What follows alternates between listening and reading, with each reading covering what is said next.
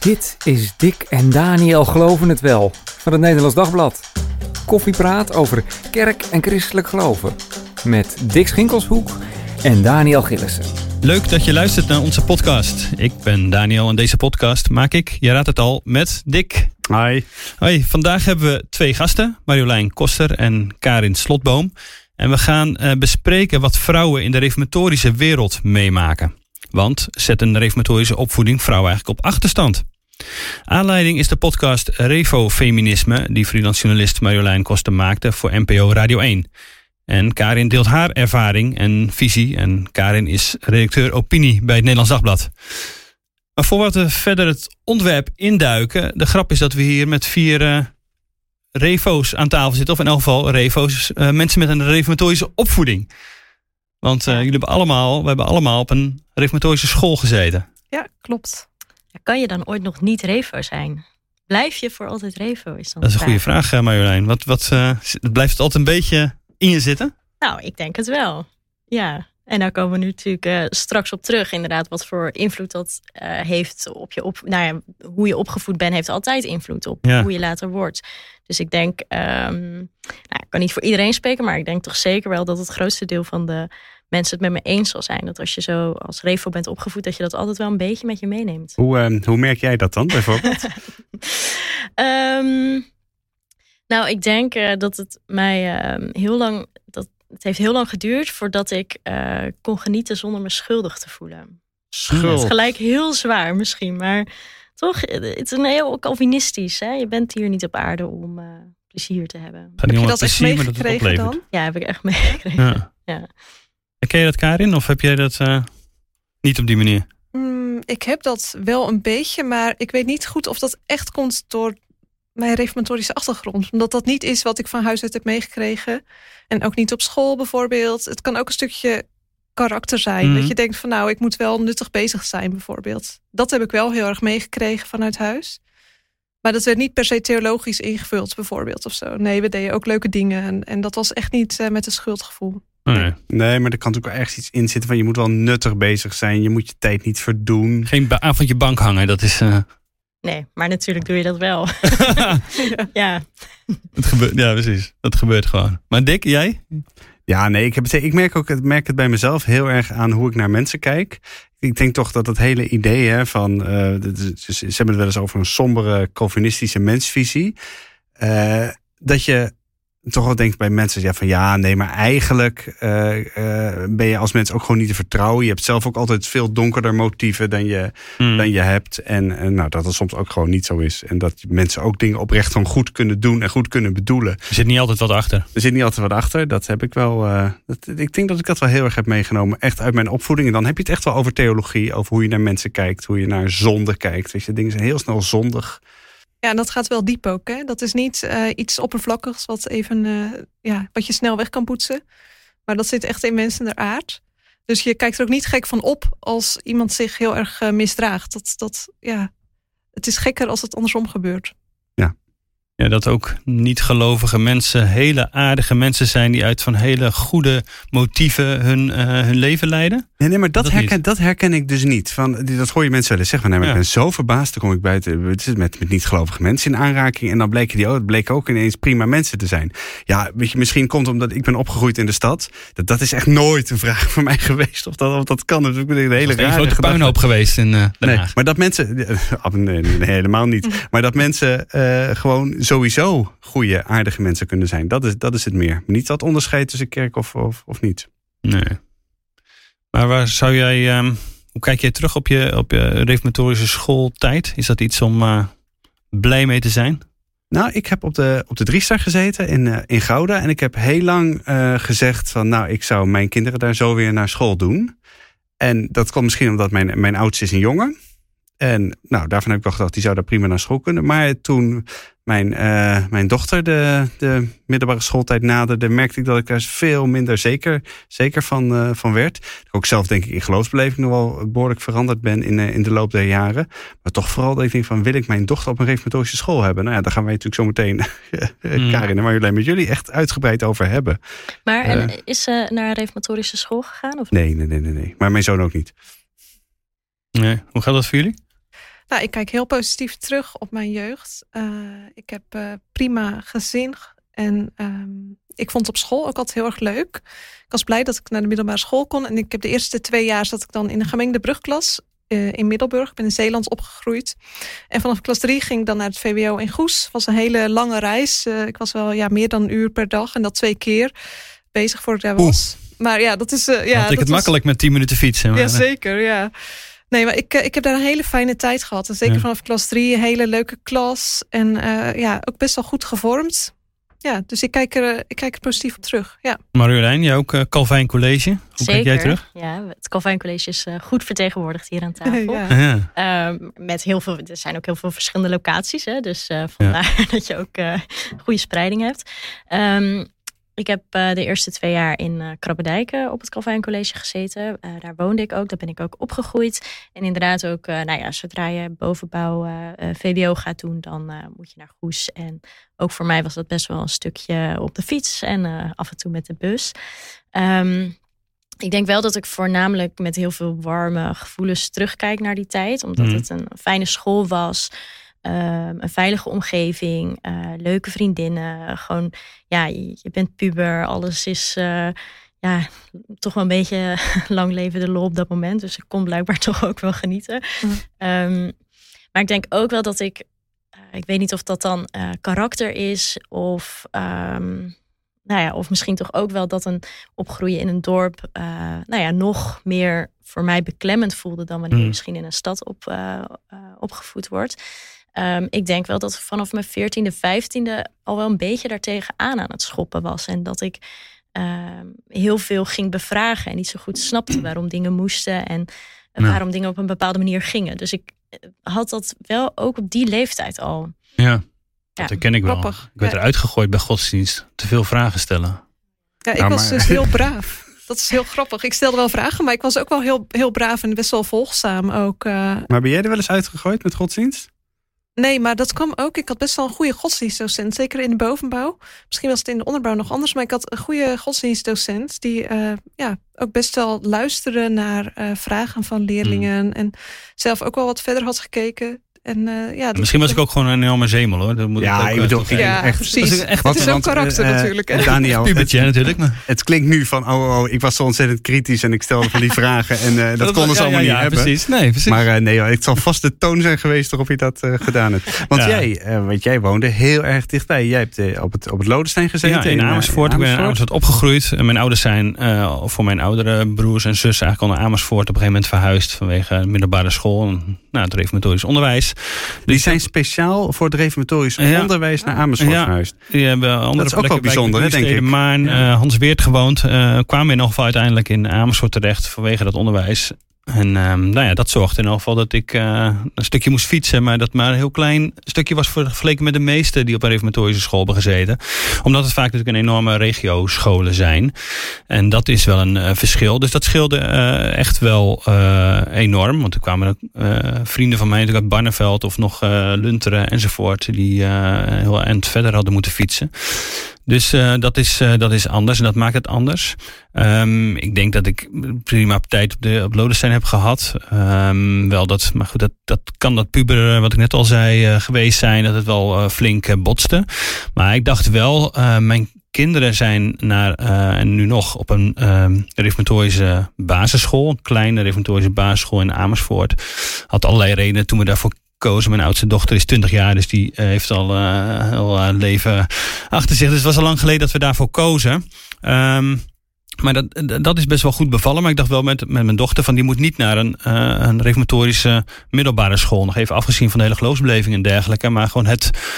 Um, ik denk dat met haar expressiviteit en sterke mening en dat dat niet ging werken. Dat het niet dat dat haar of um, nou ja, uh, soort, uh, soort, ja, misschien wel eens een soort kapot zou drukken in het malletje, zeg maar.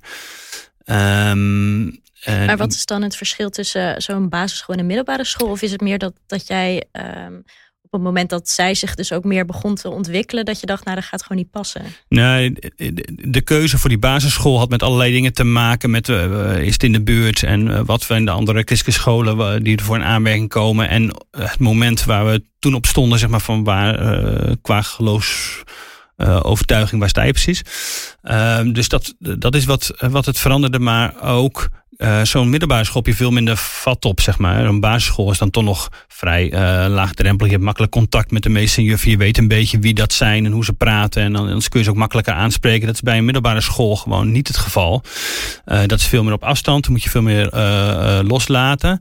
En uh, deze stadse uh, basisschool is eigenlijk veel, veel, denk ik, opener ook weer naar de cultuur dan de, dan de middelbare school. Overigens ook, dus ook in Amersfoort, maar die dat toch anders heeft. Maar wat een belangrijk verschil is, denk ik, tussen de keuze die jij hebt gemaakt voor jouw kinderen om ze naar een, een, een basisschool te sturen. En wat ik denk voor onze ouders uh, geldt, is dat het voor onze ouders eigenlijk helemaal niet zo'n vraag was. Of dat, of dat wij nee, naar die, naar die, nee. naar die reformatorische school zouden gaan. Ik bedoel, voor jou waren er nog alternatieven. ik denk dat Zeker. dat voor onze ouders in hun keuze. En ik denk dus ook voor ons. Het was eigenlijk volstrekt vanzelfsprekend. Nou, ik mocht tussen twee, twee smaken reformatorische scholen kiezen. Ik mocht of naar de Revius in Rotterdam. Of ik mocht naar de Driestar. Dat, was al, dat waren de opties. Ja, maar dat, dat was het. Ik denk achteraf. Uh, ik heb geen gymnasium gedaan. En dat was omdat dat nog niet aangeboden werd. Op het Calvijn College. Ik denk achteraf had ik dat ook best willen doen. Hmm. Maar dat was eigenlijk helemaal geen optie. Dus daar heb ik ook geen seconde over nagedacht. Nee, het bestond gewoon niet, nee, de mogelijkheid. Prima hoor, ik heb er verder geen last van. Maar als die mogelijkheid er wel was geweest... had ik daar denk ik wel graag gebruik van gemaakt. Ja. Ja, goed. Dat heeft dan ook misschien een beetje met het refofeminisme te maken, waar we nu uh, verder over spreken. Om even goed helder te krijgen, um, uh, ja, wat had het precies inhoud? Luister even naar een fragmentje uit jouw podcast, uh, Marjolein, waar je docent Nelianne van Schaik spreekt. En die vertelt een, iets wat, denk ik, kenmerkend is voor het punt wat jij wil maken. Ik heb één keer gehad, was een leerling, dat, daar had ik een mentorgesprek mee. En uh, die zei, ja, ik ga dan naar de PABO, want mijn vriend is ouder... en die vindt dat dan ook wel een goed idee. En dan uh, kan ik later makkelijk in deeltijd studeren. En toen had ik gevraagd, vind je dat dan echt leuk, die PABO? Nou ja, nou, weet ik niet, maar het is wel heel goed te combineren. Dus ik zeg, dus jij laat nu je vriendje al bepalen wat jij wil gaan doen. Ben je toch betoeterd? En jaren later hoorde ik van haar, ik heb dat nooit geweten, dat ze diezelfde week de verkering had uitgemaakt. Omdat ze dacht, ja, mevrouw van Schaik heeft eigenlijk wel een punt. Ik moet gewoon zelf kiezen. En ze is ook niet de PAO gaan doen. Ja, volgens mij zegt dit veel uh, van het punt dat jij wil maken, Marjolein. Leg eens uit, wat is revofeminisme eigenlijk precies? Ja, het is natuurlijk ook altijd heel erg fijn als iemand uh, zo'n anekdote heeft en dat kan vertellen. Waarmee je inderdaad uh, gelijk heel erg duidelijk maakt van um, wat, ik, ja, wat nou eigenlijk het verhaal is. Um, uh, was eerst een beetje de werktitel. En terwijl ik uh, met dit onderwerp bezig was, dacht ik, ja, maar refo's vinden zichzelf helemaal geen feminist. Dus eigenlijk is het ook helemaal geen, goede, geen goed woord. Maar ja, uiteindelijk is dat hem wel gebleven, omdat ik dacht, eh, nou ja, daar komen misschien later op. Het, het past ook weer wel, ondanks dat veel reformatorische vrouwen zich niet zo zouden noemen. Um, nou, ik was eigenlijk op dit uh, onderwerp gekomen doordat ik uh, in contact kwam met dus uh, Nellianne van Schaik, mijn vroegere, vroegere lerares Nederlands. En nou ja, dat zij eigenlijk een beetje terloops liet vallen. Zo van ja, ik vind het zo leuk dat ook zoveel meiden uit de conservatieve hoek nu aan de weg timmeren. Hè? En nou ja, gewoon aan het werk zijn en leuke carrières hebben. Want ze had, had een bericht, jou een berichtje ja. gestuurd, omdat ze dus inderdaad dat wilde aangeven. Van hey, tof dat jij als freelancer uh, ja, nou, aan de slag bent enzovoort. Voor de volledigheid, um, uh, zij vroeg mij toe op LinkedIn. En toen dacht ik, hé, hey, wat leuk eigenlijk. Ja. Dus ik stuurde haar een berichtje. Ja, en, en nou ja, als journalist doe je natuurlijk ook veel met de Nederlandse taal. En dat ik echt wel met veel veel plezier uh, terugdacht aan haar lessen. En toen, precies. nou ja, dus zo raakten we eigenlijk aan de praat. Um, en ik dacht ook, hé, hey, maar blijkbaar is dat dus ook iets wat speelt. Uh, dat zij daarmee bezig is om die jonge meiden extra te motiveren. Ja. Juist die meiden, omdat, uh, nou ja, dat sloot dus ook heel erg aan bij mijn ervaring. Dat ik het idee had dat ik als meisje op zo'n school en nu uh, wil ik gelijk ook de kanttekening maken dat ze, ja, het is natuurlijk een totaalpakket hè, van je eigen opvoeding, de kerk waarin je opgegroeid bent en de school. Prachtige driehoek, hè, zoals Zeker. we dat uh, kennen uit een Reformatorisch, ook wel gereformeerde wereld. Ja, alles op sluit op elkaar ja. Maar ik heb dat wel zo ervaren in mijn, uh, in mijn jeugd, dat ik, ehm, nou ja, dat het voor mij als meisje minder belangrijk was om, om te studeren, hmm. om een carrière na te jagen en dat het dus vooral belangrijk was om moeder te worden en daar heel erg goed in te worden. Werd het expliciet gezegd of kwam dat er impliciet eigenlijk steeds terug? Mm, het werd ook expliciet gezegd.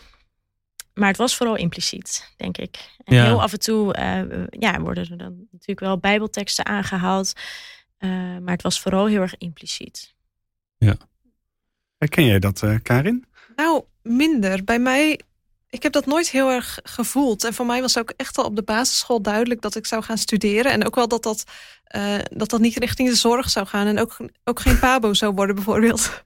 Uh, Want dat, is vaak wat er, wat er geadviseerd wordt. Zorg en onderwijs, dat zijn soort veilige beroepen waar vrouwen aan de slag kan. Heel praktisch en heel dienstbaar ook natuurlijk. Nee, ik schreef in groep 8 in de, in de schoolkrant dat ik Grieks of Latijn of Hebreeuws wilde gaan doen ik snap nog steeds niet hoe ik daarbij kwam eigenlijk. Want dat, ik kende niemand in mijn omgeving die daar echt mee bezig was. Maar goed, uh, dat schreef ik op en dat was, wel, dat is wel leuk. Er was een vrouw in het dorp die had dat gelezen. En die dacht van nou, dat vind ik zo leuk dat zij dat wil. En uh, toen kwam ze met een cadeautje aan de deur. Super lief. Oh, wat grappig. Ja, dus dat is me wel altijd bijgebleven. Van er waren altijd wel ja, een paar mensen die dat dan zagen in je. En dachten van nou, dat, dat stimuleer ik. Ja, maar voor mij uh, was dat, dat moederschapsideaal... Um, werd mij niet zo opgelegd. Hoewel ik het wel heel erg in mijn omgeving zag. En ook bijvoorbeeld mijn moeder heeft altijd uh, sinds, uh, sinds mijn geboorte, ik ben dan de oudste, is ze altijd thuis geweest om voor ons te zorgen. Geen betaalde baan daarnaast gehad. En dat was wel ja, mijn, mijn uh, context en mijn uitgangspunt in principe. Ja. ja, want het was wel de sfeer waarin, ja. nou ja, wat is het waarin, waarin jullie wat is het opgroeide, de, dat onderwijs kregen. Dat geldt ook ergens voor ons ook. Alleen Daniel, ik denk dat wij dat gewoon veel minder hebben gemerkt als, uh, als mannen. Kunnen misschien zo meteen ook nog wel even ja, over hebben. Ja, precies. Wat is interessant om dat uit te vogelen, zeg maar. Ja, precies, maar het was wel een soort, uh, als uh, het water zeg maar, waarin je rondzwom als vis. dat, dat dit was, dat was, waren verwachtingen voor mannen, voor vrouwen. En dat beïnvloedt toch hoe je, hoe je, daarnaar, hoe je daarnaar kijkt. Um, hebben jullie, uh, dan kijk ik vooral even naar jou, Karin. Uh, heb, je, heb je dat ooit ook gewoon dan meer in lessen meegekregen? Ik bedoel, we hebben uh, we van Marjolein, je heeft dat net bedoeld, het gebeurt ook echt wel in, in lessen. En meestal impliciet, maar ook af en toe wel aan de orde. Herken je dat dan ook niet? Nou, ja, ik heb niet zo'n goed geheugen wat dat betreft. Dus ik heb echt gewoon eigenlijk geen idee wat er in al die lessen behandeld is. Dus ik, ja, er zijn wel thema's. Heel selectief in wat je hebt onthouden gewoon. ja, dat zou, dat zou natuurlijk ook kunnen. Maar er zijn wel themadagen geweest. Maar ik weet niet precies wat daar allemaal uh, is gezegd. Dus zo'n zo uh, themaweek komt in de orde, aan de orde in de podcast ook. Hè? Ja. Ja, dat, dat was gewoon één zo'n herinnering uh, die ik had. En inderdaad, herinneringen uh, kunnen soms ook niet helemaal zuiver zijn. Maar ik heb bij meerdere mensen gevraagd van... hebben jullie ook die herinnering? En eigenlijk had iedereen ook wel diezelfde ja. herinnering. Waarin, uh, nou, de, volgens mij het thema was ehm, huwelijk en gezin. Um, waarin... en, en één moment is mij dus heel erg bijgebleven... dat er... Um, of dat dan heel letterlijk werd gezegd, maar kwam er wel op neer van uh, je kan, natuurlijk, het is wel belangrijk om als meisje ook te gaan studeren. Uh, maar uiteindelijk um, ja, word je moeder en ga je voor je kinderen zorgen. En dat is dan wel uh, belangrijker. En ik kan me gewoon nog zo goed herinneren dat een klasgenootje haar hand opstak en zei: Ja, maar hè, we zitten hier met allemaal VWO-leerlingen. We hebben toch ook heel veel hersenen van God gekregen. Uh, dat is toch ook een talent wat we moeten gebruiken. En ik kon gewoon niet herinneren dat daar dan een antwoord op kwam uh, waar ik mee uit de voeten kwam. En um, nou ja, achteraf uh, zijn andere vriendin van mij die ook bij die themadag was, uh, dat zij het idee had dat er juist ook wel weer taboe doorbrekende uh, onderwerpen werden gesproken. Dat het ook wel over seks ging tijdens zo'n dag. Dat kan ik me dan weer helemaal niet herinneren. Ja, ik dus, dan weer wel. Ja, dus het is ook heel wisselend natuurlijk wat, je, uh, wat je daaruit meeneemt. Ja. Um, en ik, het is dus misschien wel, uh, wat ik al in het begin zei, dat ik al wel hè, voor mijn 14e, 15 een beetje dingen ging bevragen. Dat je daar dan dus op zo'n moment ook heel erg mee bezig was. Ja. En um, dat het daardoor dan extra blijft hangen of zo, uh, zo'n ervaring. Ja.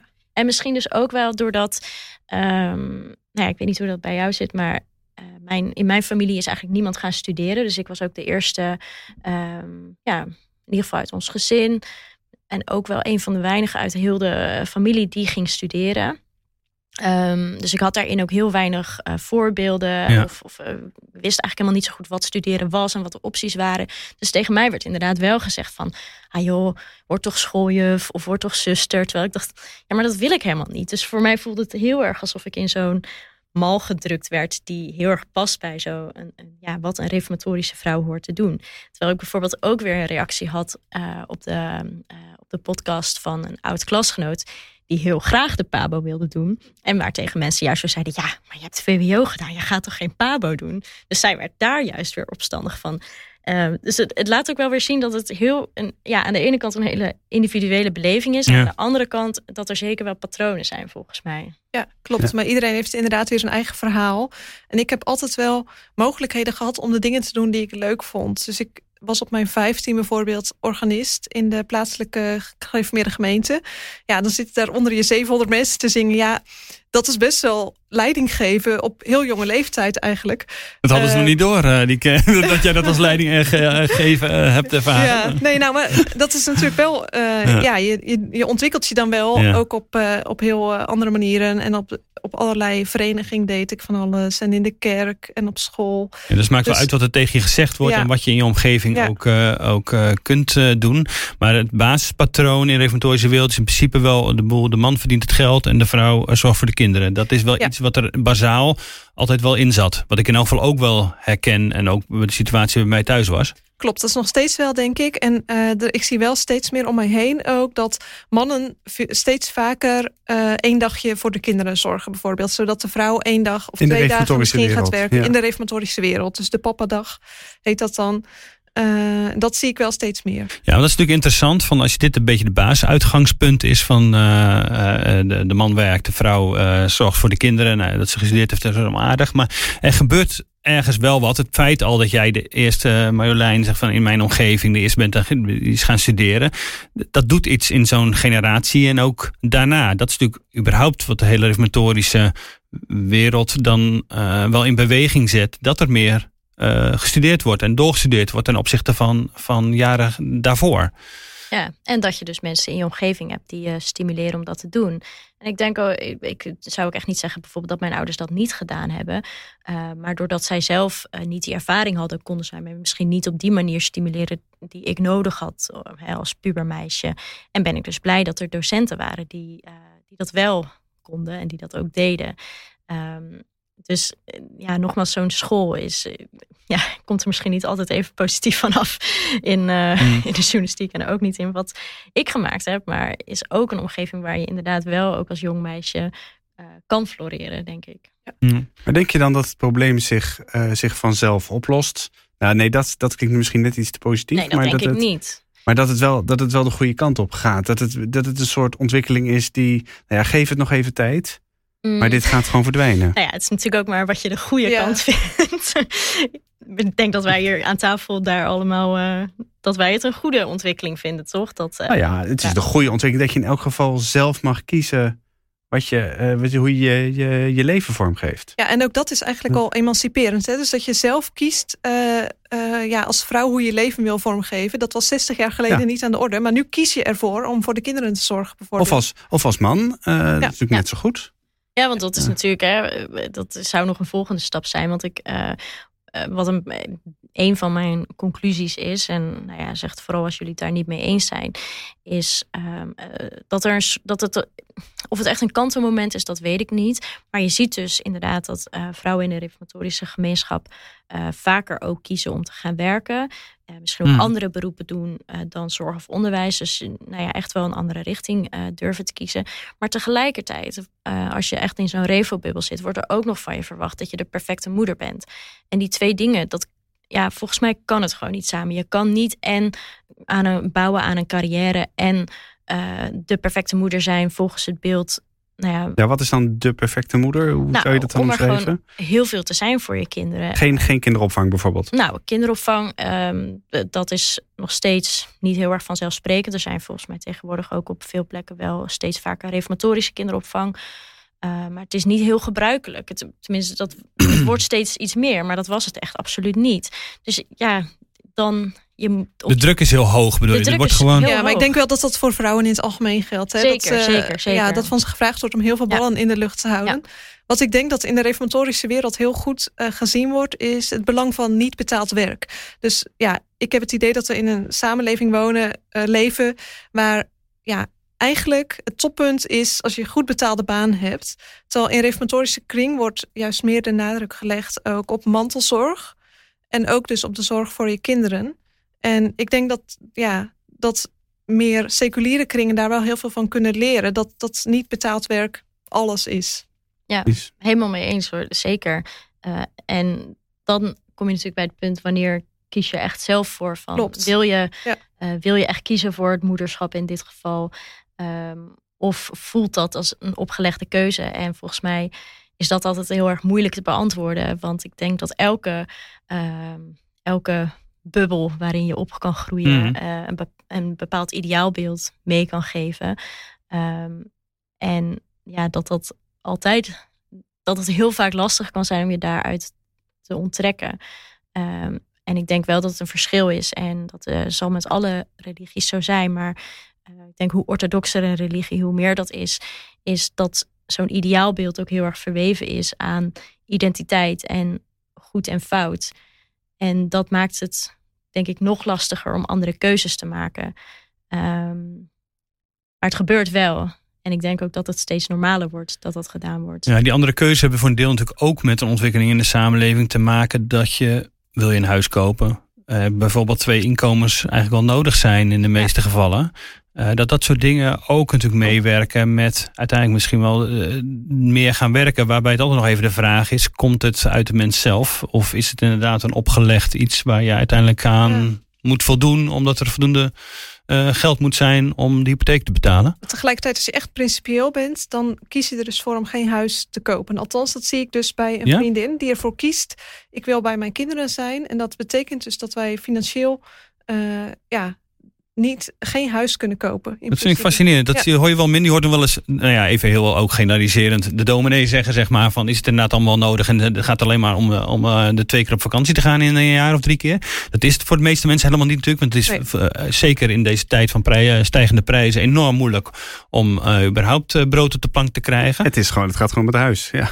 Precies, en dat wordt eh, doorgaans nog wel uh, erkend, maar dat er inderdaad dat soort principiële keuzes voor worden gemaakt, kan ik niet, maar goed, ik overzie dat ook uh, absoluut niet, maar in mijn omgeving. Maar, maar dat heeft natuurlijk ook al mee te maken met wat jij Marjolein nou net zei, van het is ook het gevoel dat het wel, dat het moet of zo, dat het, nou even heel, heel, heel kort door de bocht zet, dat het van God moet om, het op, om die keuze te maken.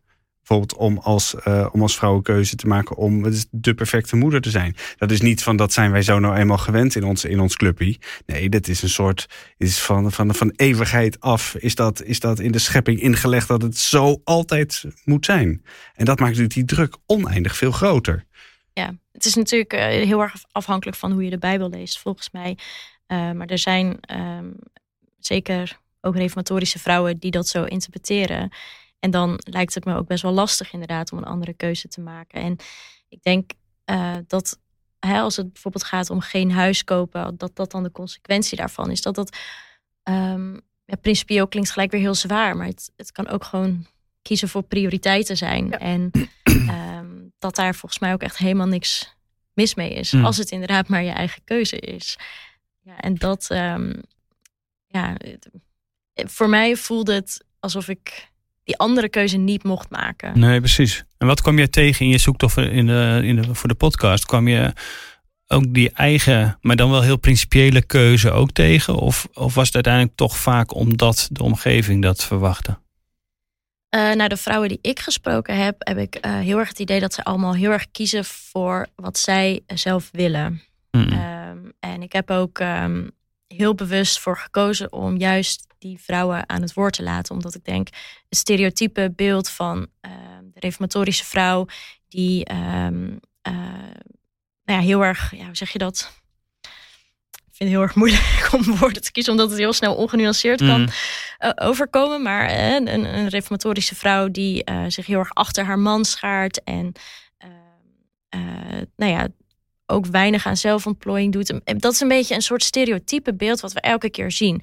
Terwijl je dus juist heel erg ziet dat ook binnen die reformatorische gemeenschap, en dan zeg ik even in brede zin, dat er gewoon heel veel vrouwen zijn die helemaal niet zo zijn. En die uh, tegelijkertijd um, wel dat idee onderschrijven van hè, je moet uh, respect hebben voor je man of um, uh, je, je, doet het heel erg samen en mm -hmm dus die dat ook wel heel erg vanuit de Bijbel met zich meenemen.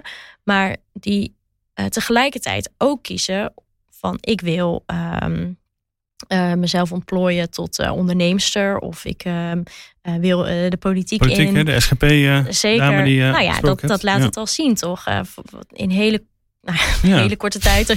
Toch wel, in relatief korte ja, tijd. De eeuwigheid wel. Ja. Vier, vrouwen voor de SGP inmiddels. Nou ja, zoiets. Denk ja, je ziet gewoon dat het aan het veranderen is.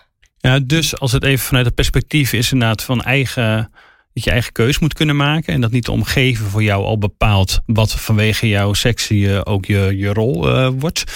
Um, zie je dus daarin wel een positieve ontwikkeling. Dan gebeurt, staat het niet stil in elk geval, toch? Ik zou zeggen dat het niet stil staat, nee. Heb je voor je podcast ook mannen gesproken eigenlijk? Um, nou, ik heb ze wel gesproken, uh, maar weinig. Uh, ik vond het juist ook wel grappig om een keer gewoon alleen maar vrouwen aan het woord te laten. En ik dacht inderdaad wel van, oh ja, maar wat is nou eigenlijk de rol van de man hierin? Hè? Want eigenlijk zonder dat een man ook daarin ondersteunt en zonder dat een man ook af en toe zegt, ik neem een dag vrij of ik uh, doe de boodschap of ik kook of weet ik veel wat. Ja, zonder dat dat er is, kan een vrouw zich ook niet verder emanciperen. dus tuurlijk is dat ook belangrijk. Ehm, en ik denk dat de vrouwen die ik gesproken heb, um, ook wel man mannen hebben die op die manier erin staan. Maar ik dacht, ja, ik laat ze gewoon eens even een keer niet aan het woord. Ja, ja maar ik denk dat ook de, de rol van de man, die zit dus inderdaad binnen relaties, is die heel belangrijk, maar natuurlijk ook in de meningsvorming. Hè? Dus uh, uh, de predikanten en de politici die hierover gaan, of over gaan, die hierover praten, zijn voornamelijk mannen. Dus dat, ja. dat, ja, dat doet ook iets. Zijn alleen mannen, toch? Mm. Ja, want ja. die vier politici, die, uh, in, bij de SGP ja. die op lokaal niveau uh, in de raad zitten. Maar dan houdt het ook En je ziet wel steeds meer vrouwen die andere vrouwen proberen te inspireren met ideeën over het moederschap uh, in allerlei boekjes. Maar ook op Insta bijvoorbeeld. Ja. Ja. ja, want er waren wel mannen die je aan het woord wilden laten in de podcast. Maar die wilden zelf niet. Ja, die wilden zelf niet. Ja, dan houdt het ook op toch? Van de school hè, was dat? Ja, klopt. Um, ja, mijn initiële idee was, ik had het misschien ook een beetje geromantiseerd in mijn hoofd, van ik ga letterlijk terug naar mijn oude middelbare school en ik ga daar een soort weer herbeleven. Uh, hè, uh, kijken of de herinneringen die ik heb aan dat soort lessen, of dat nog steeds zo is. Hè. Um, maar ja, ik um, was gewoon niet welkom daar. En, uh, Wel een beetje oud, toch? Je oude school? Ja, ja, eigenlijk wel. Ja, omdat ik toch dacht, hè, want ik weet dat, um, dat de reformatorische gemeenschap heel erg gesloten kan zijn. Uh, hè, zeker als journalist uh, zie je mm. ook dat het heel vaak misgaat. en dat vind ik dan juist zo jammer. En ik dacht, ik wil het gewoon heel graag anders aanpakken. Weet je, ik, uh, ik ga niet met een draaiende camera binnenwalsen en um, ze confronteren met iets. Ik wil gewoon het gesprek aangaan. Geen uh, Tim Hofmannetje plegen. Nee, ik denk dat het een klein uh, trauma heeft achtergelaten ja. daar. Uh, dezelfde school is dat ja, namelijk. Ja. Um, maar ja, dus ja, ik, het deed wel een beetje, een beetje pijn ja, dat de deur dicht ging. En wat, zat, wat zat daarachter, denk je? Um, ja, vind ik lastig te zeggen. Um, kijk, hoe ik het heb opgevat is, hè, want we hebben het nu elke keer over een goede ontwikkeling. Dus wij vinden het een goede ontwikkeling. Maar ja, niet iedereen vindt dat. Uh, werd een beetje duidelijk uh, in de manier waarop er naar mij gecommuniceerd werd. Um, ik, ja, ik weet even niet meer de, precies de woorden, maar ik, ik schreef iets als hè, er verandert iets of zo. Um, mm. En dat wordt dus door, nou ja, in dit geval degene die daar toestemming toe moet geven. Ik weet even niet meer of dat een directeur of een bestuurder was.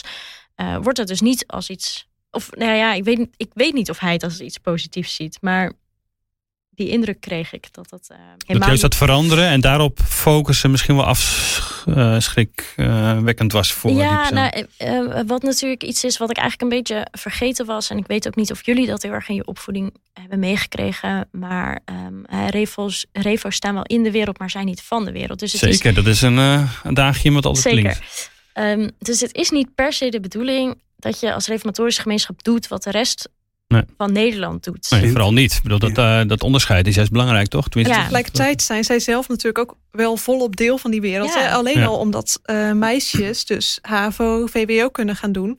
En het wordt ook steeds gebruikelijker dat je gaat studeren. Dus ja, onderwijs is gewoon ontzettend emanciperend. En daar zijn zij zelf ook onderdeel van. Ja, dat is de en, grap van het hele, hele gebeuren natuurlijk. Ja, en het grootste deel van de leraren en leraressen op zo'n school... die stimuleert die meiden ook gewoon om dat te doen. Dus ik, ik zou echt wel durven zeggen dat, uh, weet ik veel, 80, 90 procent het ook gewoon als iets positiefs ziet. Maar dat er toch altijd, uh, nou ja, conservatieve mensen zijn die zo'n ontwikkeling ja.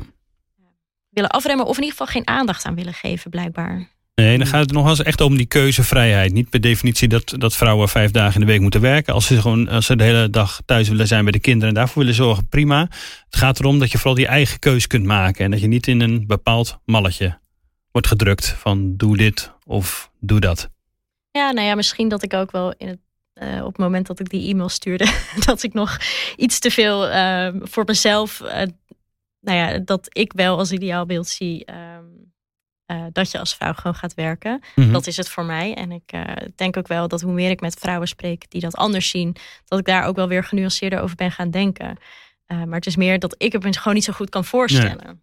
Nee. Maar ook daarin, ik noemde net het punt van de hypotheek, maar het geldt ook dat voor veel voor vrouwen die, inderdaad ik spreek in mijn omgeving ook juist uitmaakt, ook in de reformatorische vrouwen, dus uh, dat, je, dat het juist altijd dienend is voor het gezin, ook als je inderdaad een dag, twee dagen, drie dagen iets anders aan het doen bent en niet de hele dag alleen maar met de kinderen, want dat word je meestal word je er niet per se heel veel vrolijker van als dat 24 uur per dag alleen maar doorgaat. Dus voor mij wordt dat ook wel meer gezien. Hè? Dus die diversiteit, zeg maar, en de, de inspiratie ook van buiten. Ja, dat, dat denk ik op zich wel. En toch heb ik niet het idee dat de mensen in mijn omgeving die voor fulltime moederschap kiezen, dat die daar heel erg onder lijden.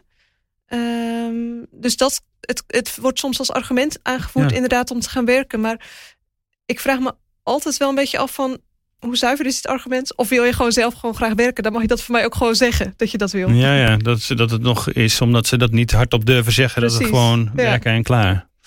Maar ik ja. denk dus ook wel, hè, dat, waar we het al eerder over hadden, dat het uh, nu ook wel vaker economisch uh, bijna nodig is mm -hmm. um, om een tweede inkomen te hebben.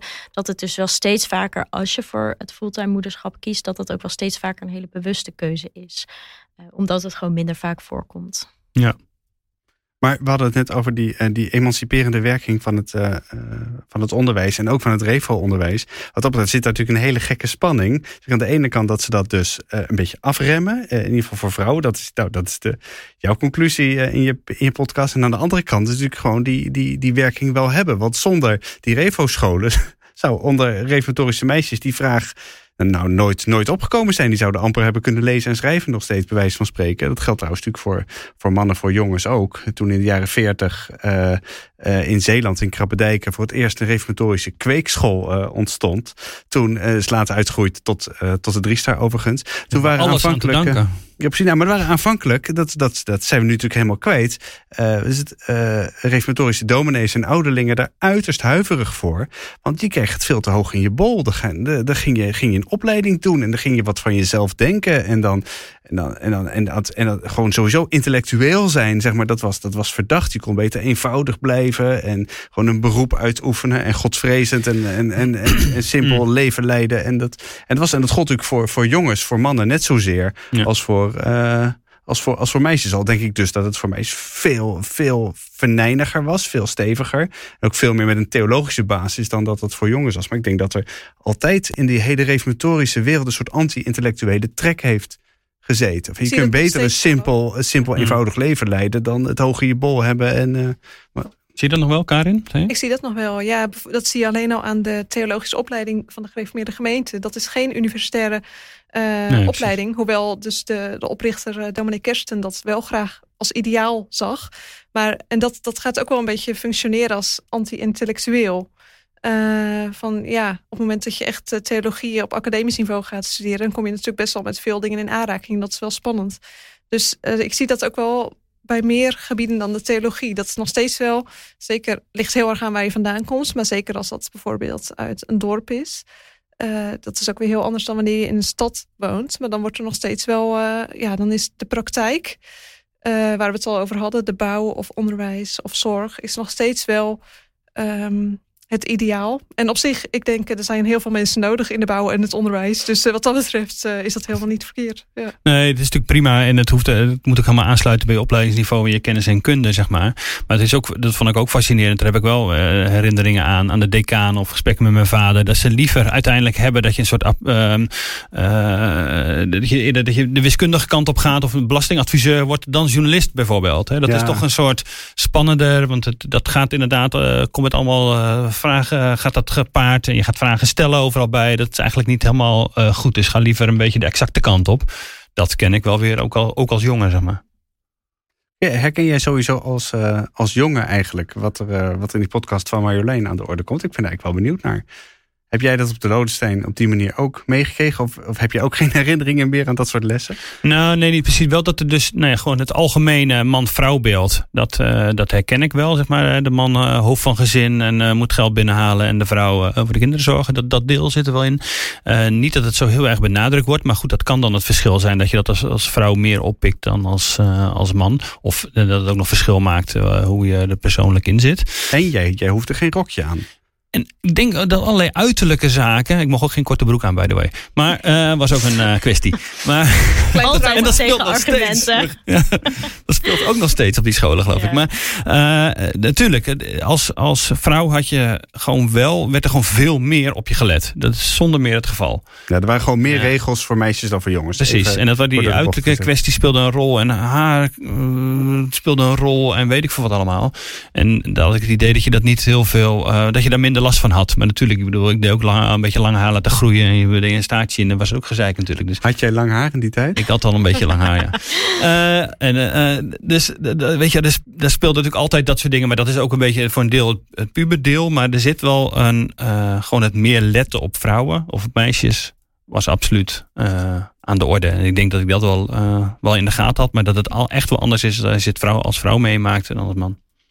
Ik, wil nog wel even, um, want jij zei net iets van uh, dat uh, mijn conclusie was dat het wordt afgeremd of zo, die ambitie. En ik weet niet of dat nou echt de conclusie is, omdat ik dus juist ook mensen aan het woord laat binnen die gemeenschap die het heel erg stimuleren. En ik denk ook dat voor heel veel mensen die niet uit een reformatorische gemeenschap komen, dat sommige dingen best wel schokkend kunnen zijn. Hè. Dus de reacties zijn ook heel verschillend van mensen die uit die bubbel komen. Mm. Uh, en mensen daarbuiten. Dus iedereen, iedereen he, ja, hoort zoiets op een hele andere uh, manier. Um, maar ja, ik, ik gebruikte die voorbeelden wel hè, van een leraar die zegt: vrouwen moeten niet op leidinggevende functies. Ik denk dat die voorbeelden belangrijk waren om te laten zien waar dus deze vrouwen een soort tegen ingaan. En hoeveel hobbels ze nog moeten nemen. En nogmaals, dat zeggen die meiden ook elke keer van ja, het was gewoon één leraar. Uh, maar toch één zo'n leraar kan gewoon best wel een rol spelen. Ja, kan een rol spelen. En kan dus ook geen rol spelen. Dat is het ook. En um, maar ja, ik denk, ja, ik denk gewoon, het is niet meer van deze tijd als je dat zegt. Oeh, niet meer van deze tijd. Is ook zo'n is dat of dat argument? maar goed, in elk geval uh, uh, duidelijk is dat die, dat die tendens van, uh, van emancipatie doorzet. En dan vraag je af een beetje aan het eind van deze podcast, wanneer is dat vervolmaakt, zo'n emancipatie? En is dat inderdaad om eigen keuze te kunnen maken? En Dick en ik zeiden grappig nog tegen elkaar van is dat inderdaad als de eerste vrouwelijke de gemeente dominee aantreedt, is dan het emancipatieproces onder vrouwen in de reformatorische kring vervolmaakt? Wat, wat zien jullie? Ja, hele goede vraag. Een vrouwelijke gemdominee, dat is wel nog heel erg ver weg, denk ik. En, uh, dat is het zeker, ja. Dat, ja, dat, dan is het ook gewoon echt de vraag: hoe gaat die cel zich ontwikkelen? Hoe gaat de SGP zich ontwikkelen? Die zal zich op een gegeven moment toch ook nog weer meer uit moeten gaan spreken over uh, vrouwen in de partij. Althans, daar worden ze door een aantal vrouwen wel toe opgeroepen. Uh, hoe gaat het met reformatorisch onderwijs? Hoe ziet de Bijbelbeeld er dan uit? Dat zijn allemaal vragen waar ik geen antwoord op heb. Maar wat wel meespeelt, uh, ja, hoe die ontwikkeling verder zal gaan. Ja, Marjolein? Ja, we hadden het er net natuurlijk ook al heel eventjes over voordat we de opnameknop indrukten. Uh, dat de reformatorische gemeenschap nog steeds wel groeit. Maar dat blijkbaar het geboortecijfer daalt, hoorde ik iemand zeggen. Um, ja, voorlopig denk ik. Um, dat die emancipatie nog wel een lange weg te gaan heeft. En uh, nogmaals, het gaat mij niet om dat uh, vrouwen net zoveel zouden moeten werken als mannen. Uh, ja, persoonlijk sta ik daar op een bepaalde manier in. Maar het gaat dus vooral om, denk ik, dat je als vrouw een eigen keuze kan maken. En mm -hmm. ook als man, hè. Ja. Ik denk ook dat er... ehm, dat is in heel de maatschappij, maar dat is in reformatorische gemeenschap nog meer. Dat er echt wel gek gekeken wordt als je als man misschien ervoor zou kiezen om fulltime thuis te zijn. Ja. Dus ook gewoon, iedereen moet gewoon lekker zelf kunnen kiezen. Maar ja, dat, wanneer kan je dat echt? Dat, dat, ik weet niet of dat ooit mogelijk is. Uh, maar ik denk in ieder geval dat er nog een lange weg te gaan is wel. Ja, en wat ook wel een uitdaging is, denk ik, voor de reformatorische gezinten, is dat uh, mensen die gestudeerd hebben, of dat nu mannen of vrouwen zijn, gaan lang niet altijd uh, terug naar de gereformeerde gemeente. En ook niet naar de gereformeerde gemeente of hersteld hervormde kerk of welke kerk dan ook waar ze vandaan komen. Maar stappen best geregeld uit die zuil. Dus de vraag is ook, hoe hou je uh, die zuil in stand? En, en wat hou je over? En mm. uh, gaan de mensen die gestudeerd hebben, gaan die niet weg bijvoorbeeld? Dat, dat zijn ja. wel vragen waar ze voor staan. Ja, die ja. brain drain is inderdaad enorm. Daar heb ik wel eens over geschreven. Juist ook bij de CSFR en zo, ja. door studentenclubs, dat daar uh, nou ja, echt een enorm percentage niet meer teruggaat naar de, nou ja, de eigen kerken waar ze in groot zijn geworden. Ja, en wat, die, en wat die, die, die, die emancipatie natuurlijk ook al gewoon als vraag oproept, is in hoeverre het nou essentieel is voor de reformatorische gezinten uh, dat er zo'n man-vrouw beeld is. Uh, als het tot de hmm. kern behoort van de, zeg maar, van de revo-geloofsbeleving, zeg maar, dan heb je dus een serieus probleem op het moment dat dit, dat dit verandert. Bedoel, daarom is die vraag naar de vrouwelijke uh, ja. in de gemeente dominee natuurlijk gewoon op zich natuurlijk wel, dat, dat roept dan een glimlach op, maar tegelijk is het een hele serieuze vraag. Want kan dit of, of, of holt de zeil die refocel zich daarmee zo erg uit dat er dus, dat er dus niks meer overblijft. Het is wel een van de kenmerken, denk ik. Hè? Ja. Wel, uiteindelijk. Ah, dat is de vraag. Deel. Is dat zo? Hoe er over seksualiteit wordt gedacht, homoseksualiteit. Uh, je ziet het ook, de manier waarop nu. Nou, jij gaat over een Nashville-verklaring schrijven binnenkort. Dat, dat zijn allemaal uh, dingen die wel hiermee te maken hebben ook. En wat wel een soort identity marker is. Ja, en toch denk ik, als je dan dus ziet uh, dat er ook reformatorische vrouwen zijn die binnen de SGP um, nou ja, functies bekleden en dat dat steeds meer gebeurt en ook met overtuiging en ook met steun van mannen, ja. um, dat, het, uh, ja, dat het dus wel kan en dat het niet tegenover elkaar hoeft te staan. Volgens een deel wel, maar het hoeft niet.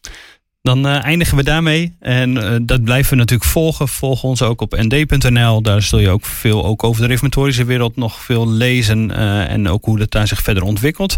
Ongetwijfeld ben je ook benieuwd naar de podcast die Marjolein heeft gemaakt. Zoek op Revo Feminisme in je favoriete podcast app. Dan kom je hem ongetwijfeld tegen. Nummer 78 van Docs is het. NPO Radio 1 podcastserie. Dat kan niet missen. zoek hem op en luister. Dan weet je nog meer over Revo Feminisme. Hartelijk dank Marjolein voor je bijdrage. Graag gedaan. Had ik dan Karin. Ja, leuk. En eh, wij zijn er volgende week weer. Tot Absoluut. dan.